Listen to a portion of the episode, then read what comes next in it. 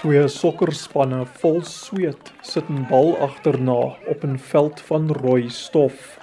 Een van die toeskouers is die veteraan HIV-beraader Ketwana Maglasse.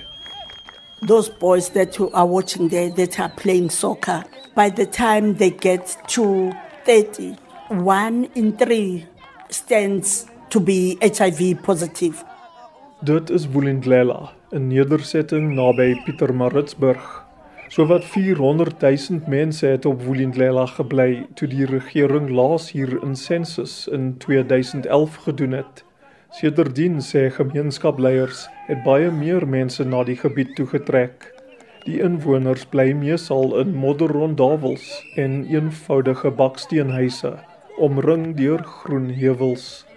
Woolindlela is tipies van baie ander landelike nedersettings in Suid-Afrika. Daar's bitter min infrastruktuur en die meeste mense hier is werkloos. Woolindlela het ook een van die hoogste HIV-infeksiesyfers ter wêreld.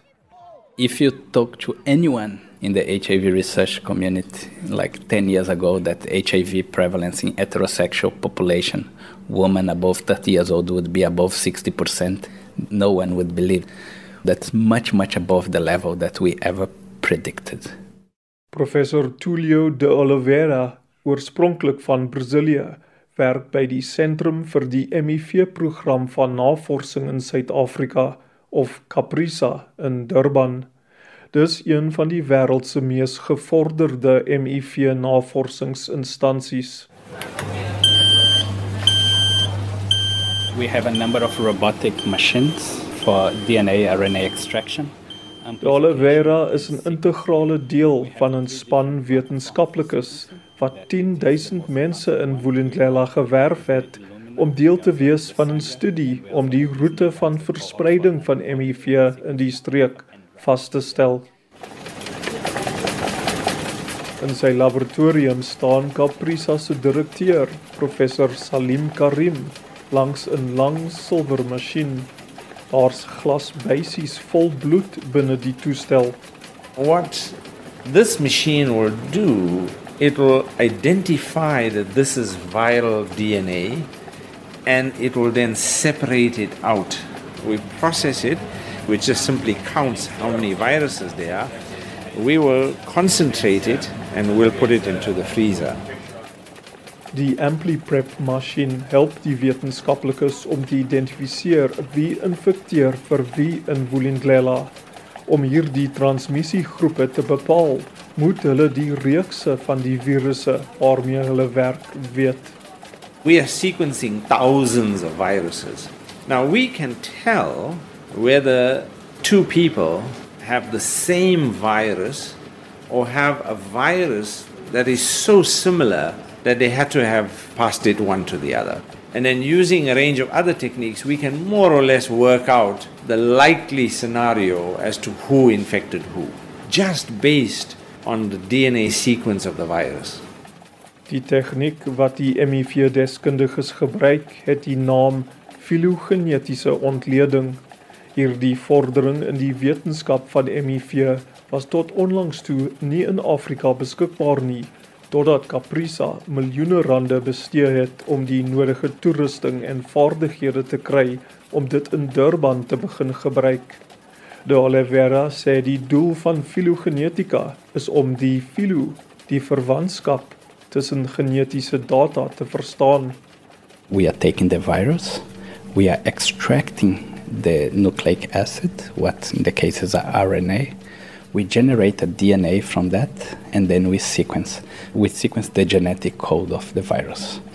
So we know that two individuals, if they have a very similar virus, they are in a transmission chain. That's the only way that we can see that two individual infections are related. De Oliveira het internasionale roem in 2006 verwerf toe hy genetika gebruik het om die onskuld van 6 mediese personeel te bewys wat tot die dood veroordeel is na hulle deur owerhede in Libië aan die infeksie van meer as 400 kinders met HIV skuldig bevind is.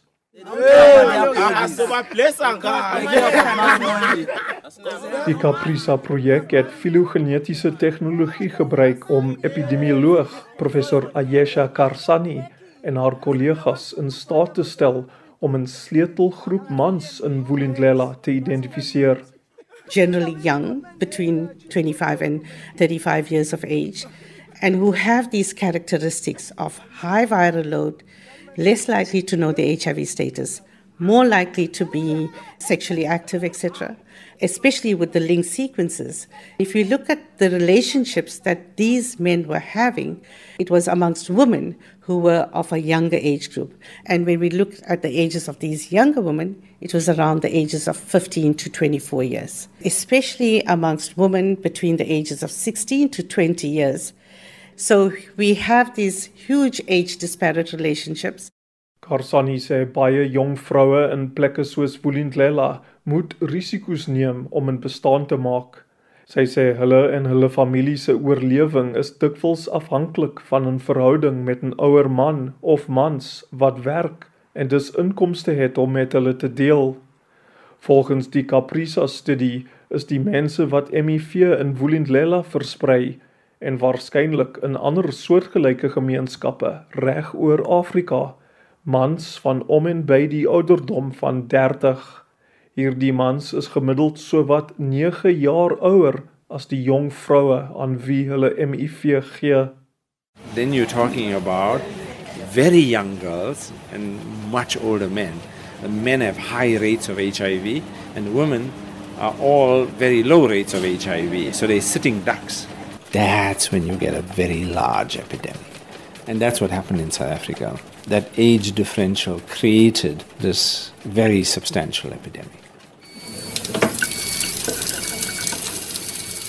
Terug in sy laboratorium sê De Oliveira, Caprisa se bevindinge is so belangrik omdat hulle die eerste is om die hoofakteurs in Afrika se siklus van HIV oordrag te identifiseer. Ouer mans wat jonger vroue, selfs tienermeisies infecteer. When they age, they come to very high levels of prevalence, unbelievable levels. We're talking about 66%, and they are likely to infect men of the same age that are likely to infect a younger woman. So you get this amplification cycle across the generations. Die span in Durban se studie is deur die Verenigde Nasies se vigstaakspan UNAIDS aanvaar en dit maak opslae in mediese kringe die wêreld oor maar sommige kritici sê hulle het nie genoeg bewyse gehad om die siklus van transmissie te bevestig nie. Karim sê hy respekteer die kritiek, maar hy wys dit van die hand. There is a 2% likelihood we may be wrong, but there's a 98% likelihood we might be right. De Oliveira sê wetenskaplike debat is goed, maar die tyd vir praat is verby omdat die HIV-epidemie besig is om die hoogte in te skiet onder jong vroue in Afrika. Dit gaan nie lank wees nie waarskynlik jy voordat vroue op plekke soos Vulindlela 'n 80% kans gaan hê om in hulle lewenstyd met HIV geïnfekteer te word.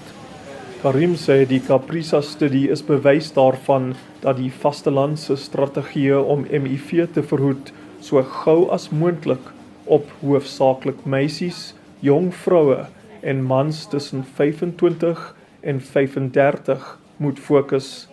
Ek is Darren Taylor in Durban